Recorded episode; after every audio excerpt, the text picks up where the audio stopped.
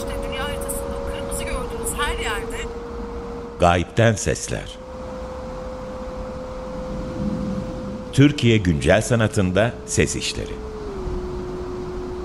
Hazırlayan ve sunan Merve Ünsal Gemi mendireğin kara tarafındaki durgun sulara, yerlere kendini bıraktı. Merhaba, Gayipten Sesler'in 19. programına hoş geldiniz. Ben Merve Ünsal. Bu programı Türkiye'de güncel sanat alanında üretilen işleri ve ses işlerini duyulur kılmayı amaçlayan geçici bir platform olarak hayal ettik. Her programda bir sanatçıyı konuk ediyoruz ve bugünkü konuğum Erdem Taşdelen. Erdem hoş geldin. Hoş bulduk Merve. Erdem'le bugün 2023 tarihli işi yorumlanması gereken rüya hakkında konuşacağız ama ilk önce Erdem'den kendisinden ve sanat pratiğinden bahsetmesini rica edeceğim. Ee, çok teşekkür ederim davetin için e, Merve. Ne kadar güzel e, burada bu işi anlatabilme fırsatı bulmak. Benim ismim Erdem Taşdelen. E, Türkiye'li bir sanatçıyım. 15 senedir Kanada'da yaşıyorum. İstanbul'da Sabancı Üniversitesi'nde lisans eğitimimi gördüm. Grafik tasarım okudum. Daha sonrasında Vancouver'daki Emily Carr Üniversitesi'nde master'ımı yaptım. ve son 7 yıldır Toronto'da yaşıyorum ve çalışıyorum. belli birli bir medyumla çalışmıyorum projesine göre genellikle e, işlerimin nasıl bir form alacağı e, kavramsal çerçevesinden e, yola çıkarak belirleniyor. E, bazen videolar yapıyorum, e, bazen e, ses işleri yapıyorum. Bugün de bu ses, ses işlerinden birinin üzerine konuşacağız. Evet ve özellikle de senin işlerindeki ses ve metnin ilişkisi üzerine de aslında çok konuşmak istiyorum ve gerçekten ben senin işlerini senelerdir takip ediyorum ve farklı mecralarla nasıl didiştiğini de gördüğüm için hani hem sese hem de bu metni bu şekilde sesle yansıtmaya nasıl karar verdiğin üzerine umarım daha fazla konuşma fırsatımız olacak. Ama ilk önce işi dinleyelim. İşten e, yaklaşık beş buçuk dakikalık bir kesit dinleyeceğiz. İngilizce bir metinden e, çıkış noktası olarak kullanan bir iş ama tabii ki senden sonra sürecini dinleyeceğiz. Ama şimdi Hı-hı. istersen ilk önce işi dinleyelim. I remember this woman with a bob cut and black rimmed glasses. She's sitting beside me in the back seat of a car. We're stuck in traffic. I remember thinking, huh? This woman looks exactly like my high school French teacher. But no, it's not her. I remember wondering if it's her twin sister. I remember the humans in white robes. They gather in a circle and link their hands. The news is playing on the radio, reporting one horrible thing after another, and the woman with the bob cut tells me to ignore it. She says I must focus my energy on what really matters. Her voice is hushed, but she speaks firmly. I don't remember the specific words, but I remember her tone. Urgent and authoritative. Ancient wisdom. The circle, the voices, the humans that spawned from the animals, they gather in a perfect circle around me and join their hands. They gaze at their bare feet on the grass, and then all together at the same time, they raise their heads and they break into a buoyant song. They sing to me, a chorus, a chorus of every color and creed with the most beautiful voices. They sing to coffee. me. Coffee! Oh my gosh, the coffee. And suddenly the man inside the ball of light raises his head and, and looks at me, directly at me, with his magnificent, deep, dark eyes. And I can tell I was right. He knew the whole time that I was standing there watching him. He tilts his head. His eyes beam deep into my soul like a pair of lasers and I can't hear his voice, but I can read the words on his lips. As he says, I love you. Oh, they love me. And I respond without thinking. The words spill out of my mouth like a script that couldn't have been written any other way. I love you too, I say. I've always loved you. It feels like I've been waiting my whole life for this moment, to utter these words to him. The clarity, the certainty with which I know this love to be true and all encompassing makes me dizzy. I'm intoxicated by a substance I can neither taste nor see. That's when things get a bit prophetic, I guess would be the word. She assumes the tone of an oracle and tells me that I will wake up in a few minutes and get straight to work on writing a new book. A novel, a story of platonic love. A story about a man who meets a spiritual mentor in a dream and then follows his intuition to find this person in the real world. She says that it won't take me long to write this novel.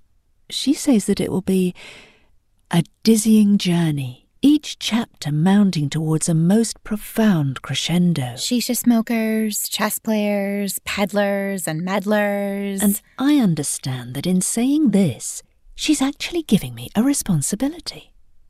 She's putting me in charge of articulating a sublime truth about human life. A truth that will reveal itself to my readers as they work their way through the novel. In the end, she says, your duty is to make sure the truth finds its way to whoever needs to receive it. Hmm, exactly. Like, I knew something very special was happening the moment I opened my eyes this morning. It was like I was waking up to a world of brand new possibilities where all the rules could be rewritten. And the strangest thing is, as soon as I sat up in my bed, I reached for my notebook and started writing poetry. It just kicked in. Like the floodgates just opened up, and I didn't know why, but I just had to get these words out of me onto the paper. Eyes fixed upon a bright blue sky, fully absorbed in their sweet music. The chorus sings the tumultuous tale of how they became human. First, they appeared as inorganic matter, scattered around the earth, biding their time. Then, their souls passed into plants, and they reached towards the sun with their newfound taste for growth. And from this vegetative state, they passed to that of animals and roamed the earth for food and shelter. And with each transformation, they plunged back into a sea of ignorance, losing the memory of their previous state. And then, finally, the great Creator drew them out of the animal into the human. And as humans, they laughed and sang and wept and dreamt as humans do. Erdem Taşdelen'in işinden bir kesit dinledik. Erdem bu işin çok daha aslında bir katmanlı ve çok boyutlu e, bir metinden ve aslında bir nesnelerin de olduğu bir yerleştirmeden bir kesit olduğunu belki belirtmek lazım. Projenin genel çerçevesinden ve üretim sürecinden ve aslında kap, kapsamında olduğu sergiden de belki bahsedebilirsin. Tabii ki. Eee, işin, eee, tam hali 24 dakika aslında ve senin dediğin gibi bir yerleştirme, eee, içerisinde dinlenebiliyor. Bu yerleştirmede, emm, çeşitli fiziksel öğeler ve, eee, ışıklar da var. O kısmından şimdi çok fazla bahsetmeyeceğim ses üzerine yoğunlaştığımızdan dolayı. Oraya belki daha sonra geliriz ama, dinleyiciler, web siteme girerlerse orada, fotoğraflarını da görebilirler yerleştirmenin. Fiziksel olarak nasıl bir deneyim olduğunu birazcık anlayabilmek için. Biraz ama işin yapım sürecinden bahsedeyim. Eee, bu iş, eee, Aga Khan Müzesi, Toronto'daki Aga Khan Müzesi tarafından, eee, sipariş edildi. Emm, sanırım 1,5 sene kadar önceydi, belki o kadar olmadı, emin değilim. Eee, 1 seneden biraz fazla olmuştur.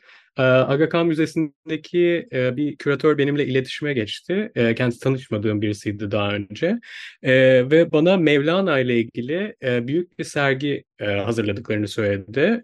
Biraz bağlam vermek gerekirse Aga Khan Müzesi bu arada, genellikle Müslüman, coğrafyasının, hem geçmiş hem güncel sanatı üzerine yoğunlaşan, koleksiyonu olan, İslami sanatlar üzerine koleksiyonu olan, bir müze. Aynı zamanda bazı böyle büyük sergiler yaptıkları zaman güncel sanatçılardan da yeni iş sipariş ediyorlar. Ee, ilk başta bana böyle bir teklifle geldiği zaman küratör tabii e, çok fazla bir anlam veremedim. Çünkü e, beni neden Mevlana ile bağdaştırdığı konusunda pek bir fikrim yoktu. E, ayrıca işlerimin içerisinde spiritüalizmle ilgili de hiçbir e, şey olduğunu söyleyemem. Ama daha sonra birazcık serginin bağlamını bana açıkladığı zaman neden böyle bir mantıkla yaklaştığını ve bana teklif getirdiğini anladım. Çünkü yapmak istediği şey sergiyi üç parçaya ayırmak. Yani sergi gezerken böyle çok üç parça halinde parça parça gezmiyorsunuz. Öyle bir şey yok ama e, bir narratif olarak üç e, kısma ayrılmış halde sergi. Bu kısımlardan bir tanesi de çeviriyle ilgili. Benim içinde bulunduğum kısım. Burada sergi hem Mevlana'nın eserlerinin farklı dillere nasıl çevrildiğine bakıyor hem de çeviriye bir metafor olarak yaklaşıp çeşitli kültürlerde Mevlana'nın ki İngilizce dünyada tabii Rumi diye biliniyor kendisi nasıl benimsendiğini, işlerinin nasıl yorumlandığını birazcık irdelemek için böyle bir kısmı var serginin. Bana dedi ki senin işlerin çeviriyle çok alakalı olduğu için hem dil çevirisi hem de kültürel çeviri anlamında senin hani Mevlana'dan esinmiş bir iş e, üret, e, direkt aslında Mevlana ile konuşmana gerek yok yani. Sen kendi nasıl bir iş yapmak istiyorsan yapabilirsin. Sadece seçtiğin um, nasıl diyeyim e, etrafında odaklanacağı noktayı Mevlana olarak belirleyebilirsin ki benim projelerim genellikle böyle çalışıyor zaten. Bir tane kendime böyle bir merkez seçiyorum. Bir çekirdeği oluyor e, ve onun etrafında çeşitli e,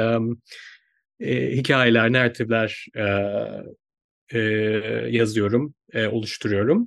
E, işlerimin hepsinde bu arada çok fazla yazıyorum ve onu o yazıyı hep nasıl farklı formlara çevirebilirim, nasıl seyirciye aktarabilirim diye düşünüyorum.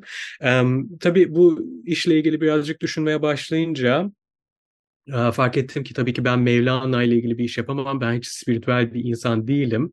Her ne kadar çekirdek olarak ben Mevlana'yı alacak olsam da benim düşünebileceğim şey aslında Mevlana'nın farklı çeşitli karakterler ve insan tipolojileri ve coğrafyalar içerisinde nasıl benimsendiği hakkında biraz düşünmek olabilirdi.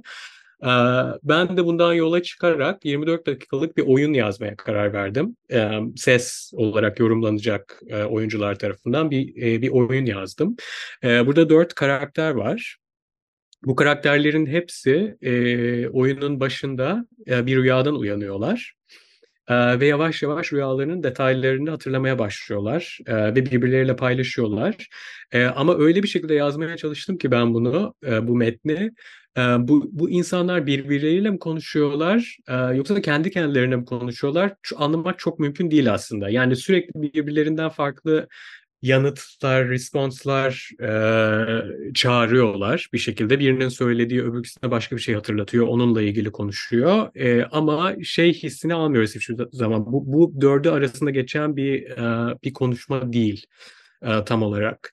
E, bu rüyada, e, rüyalarında diyeyim çünkü hepsinin rüyaları farklı. Hep e, hepsi böyle bir e, böyle e, spiritüel bir deneyim yaşamışlar çok önemli bir an olduğunu düşünüyorlar hayatlarında ve yavaş yavaş bununla yüzleşiyorlar.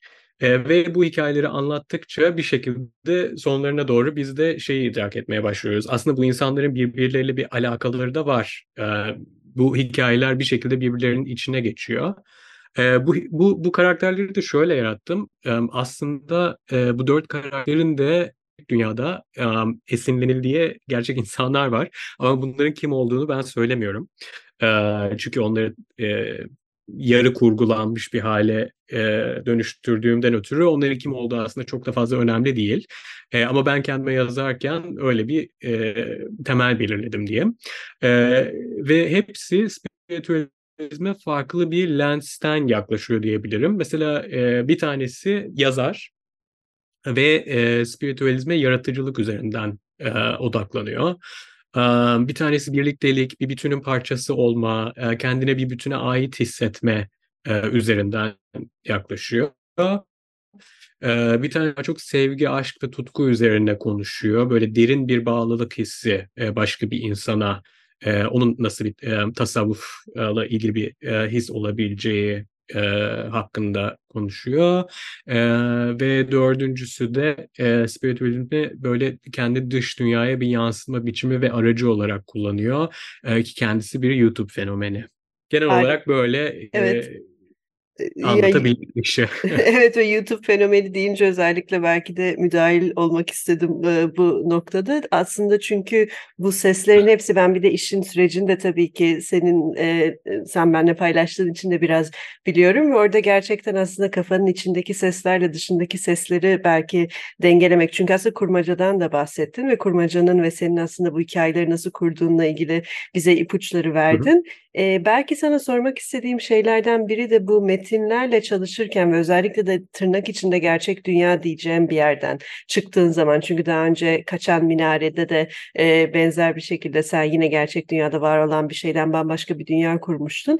Bu mekana taşındığında, sese dönüştüğünde metinler tabii ki bir aktörler aracılığıyla vuku bulduğunda dünyada oradaki o çeviri sürecinde neler oluyor ve senin için oradaki önemli olan ya da mekandaki tecrübeyle ilgili önemli olan neydi? Çünkü mesela biz bu işleri şu anda radyoda dinliyoruz ama aslında bir mekanda belki de ortasından ya da başından sonundan girdiğin defalarca dinleyebildiğin, üst üste dinleyebildiğin bir tecrübeyi de aslında çağırıyor oluyorsun güncel sanat alanında. Orada o çeviri süreçlerinde verdiğin kararlardan belki biraz bahsedebilir misin? Yani mekandaki ses ve metin tecrübesiyle ilgili e, aklında neler vardı? Hı hı, tabii kesinlikle.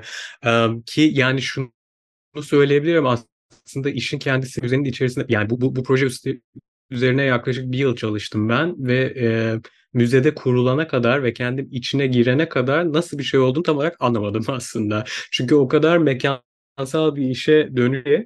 Yapmaya çalıştığım şey e, aslında böyle biraz büyülü bir deneyim yaratmaktı.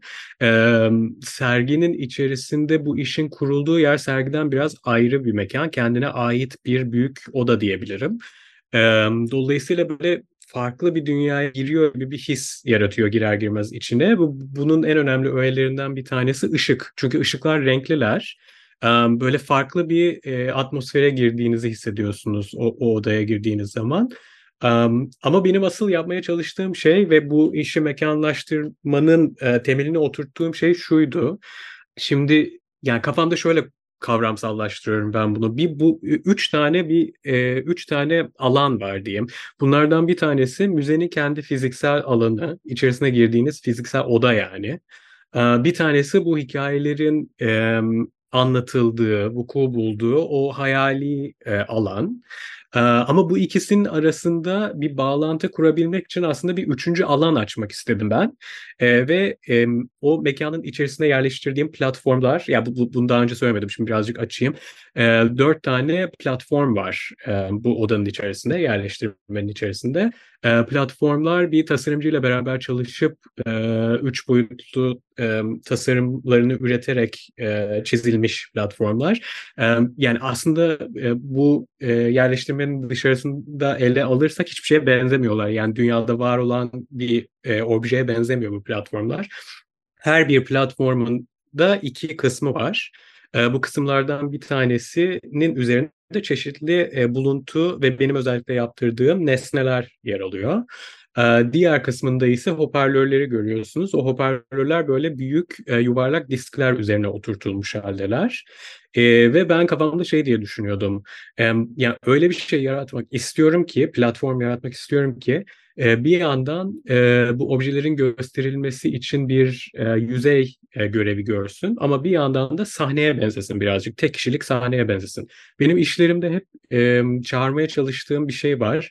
E, ben pek performans üzerine çalışmıyorum. Yani canlı performansa üretmiyorum. E, fakat işlerin her birisinde böyle e, hayaletler olduğunu hayal ediyorum. Yani performansın hayaletini göstermek istiyorum izleyiciye. E, o yüzden e, yani bir vücut gelip de gerçekten o e, disklerin üzerinde bir performans yapıyor olmasa da e, onun olabilirliğine e, işaret etmek istiyorum. O yüzden böyle e, garip bir design brief verdim beraber e, çalıştığım tasarımcıya ve dedim ki e, bana öyle bir şey yarat ki bir yandan böyle ufak bir tek kişilik sahne gibi görünsün. Bir yandan da e, ben nesneleri üzerlerinde böyle bir şekilde kolajlayabileyim. E, bu e, nesnelerin teker teker ne olduklarını kimseye açıklamıyorum. E, neden orada olduklarını da açıklamıyorum. Çünkü yapmak istediğim şey onları böyle bir e, sembol gibi veya e, yani İngilizce'de o, o onları açıklamak için kullandığım kelime cipher'dı. E, cipher'ı nasıl şey yapabiliriz? Bir belki şifre, şifre, mi de, demek gibi lazım? evet ya da gizemini koruyan bir şifre belki birazcık açmak yani senin söylediğinden ben onu anlıyorum aslında belki birazcık Evet. hani kendilerini tam olarak açık etmeyen şifreler. Aynen öyle. Yani şey e, diye düşünmedim nesneleri. Bu hikayeleri bir şekilde e, fiziksel forma dönüştüren, e, işte ne bileyim bir oyunun içerisinde kullanabilecek bir propmuş falan filan gibi göstermek istemedim. Yani şey etmiyor e, nesneler. Daha ziyade sizi farklı bir dünyaya çağırıyorlar. O yüzden e, az önce üçüncü bir alan açmak istediğimi söylemiştim. Yani e, nesnelerin her birine bakıp da şey demek pek mümkün değil. Bu bu yüzden burada. Çünkü hikayenin içerisinde şöyle bir anlamı var. Öyle değil yani. Daha daha hissel bir şekilde topladığım, içgüdüsel olarak topladığım nesneler. Burada aslında benim işi daha önce de e, fotoğraflarından tabii sadece tecrübe edebildim ama bu musallat olmanın belki değil mi hani hayaletler ve olmayan bedenleri birazcık çağırmaktan da bahsettin. E, onun Hı hı. sesle olan ilişkisi üzerinden de düşündüm sen konuşurken. Çünkü nesneler ve de mekanla olan sanatçılar olarak ilişkimizde hep bir hani olmayan şeyler ve bu sanatsal araştırma sürecinde bir sürü karşılaştığımız şeylerin orada nasıl belki farklı bir bedene ya da farklı bir duruma e, belki farklı insanlara aktarılacağıyla ilgili hep bir çeviri sürecini de aslında yaşamaya çalışıyoruz. Burada gerçekten sen hani hem ses ve metinler üzerinden o musallatlıkları çağırmışsın ama bir taraftan da nesnelerde orada bir hani sahnelenen ve yarım kalmış olan ama aynı zamanda tam olan hani orada bence birçok arafta kalma hali de çok önemli. Orada gerçekten o e, tecrübeyi aktarma durumu var. Programın yavaş yavaş sonuna geliyoruz ama benim sana sormak istediğim bir şey daha var. E, ve bu belki de zaten sergide nispeten e, yeni açıldığı için de hala eminim üzerine düşünüyor olduğunda bir şeydir. Ama bu e, mekana aktarıldıktan sonra iş ses senin için ya da bu metin nereye gitti? Çünkü e, sergiyi kurduktan sonra tecrübenin değiştiğinden dönüştüğünden de biraz bahsettin. E, bu belki ya da ilerisiyle ilgili sana ne gibi ipuç, ipuçları verdi? Sürecine ne gibi bir etkisi oldu bu işin ses boyutunun? Hı. Yani şimdi biz mesela burada dinlediğimiz zaman radyoda o kadar farklı bir şekilde e, yorumlamamız gerekiyor ki bu işi. Çünkü senin musallat olma dediğin gerçekten çok güzel bir tanım. E, biraz hissi de öyle e, içerisinde ve özellikle de ben e, script'i de e, koydum yerleştirmenin ortasına. Dolayısıyla izleyiciler e, sesi dinlerken bir yandan metni de okumaya devam edebiliyorlar ama e, hem rüyalardan bahsedildiği için hem de böyle çok kişisel bir spiritüel tecrübeden bahsedildiğinden dolayı her birinde gerçekten böyle kafanın içerisinde sesler gibilerdi bir yandan ve e, hani başka bir dünyadan sesleniyor gibiler. Bu benim için çok önemli. E, ve sesin bu anlamda çok büyük bir katkısı olduğunu düşünüyorum ve çok daha doğrusu um, kendine has bir medyum olduğunu düşünüyorum. Çünkü um, yazıdan uh, çok farklı. Onu birazcık daha böyle şekillendirmek ve bir performansa dönüştürmek mümkün. Ama bir yandan da uh, kimsenin yüzünü görmediğinizden dolayı ve hani uh, videodan da çok farklı, um, canlı performanstan da çok farklı. Dolayısıyla sesin bu anlamda bana çok fazla şey kattığını düşünüyorum. Fakat bu yerleştirmeyi yaptıktan sonra şimdi itirafta bulunacağım. E, açıkçası ilk defa kendimi bunca yıldan sonra e, performans e, medyumuna çekiliyor gibi hissettim. E, ve e, aslında yani bir sonraki projelerimden şimdi kafamda e, geliştirdiğim 2-3 tane yeni proje var. Onlardan bir tanesinde acaba gerçekten de bir canlı performansa dönüştürebilir miyim? Çünkü o zaman yeni bir ne diyeyim parametre ekleniyor işin içerisine. O da koreografi. Belki koreografiyle birleştirirsem nasıl bir şey oluşturabilirim? Birazcık onu merak etmeye başladım. Bambaşka bir iş olurdu bu işi öyle yapmış olsaydım.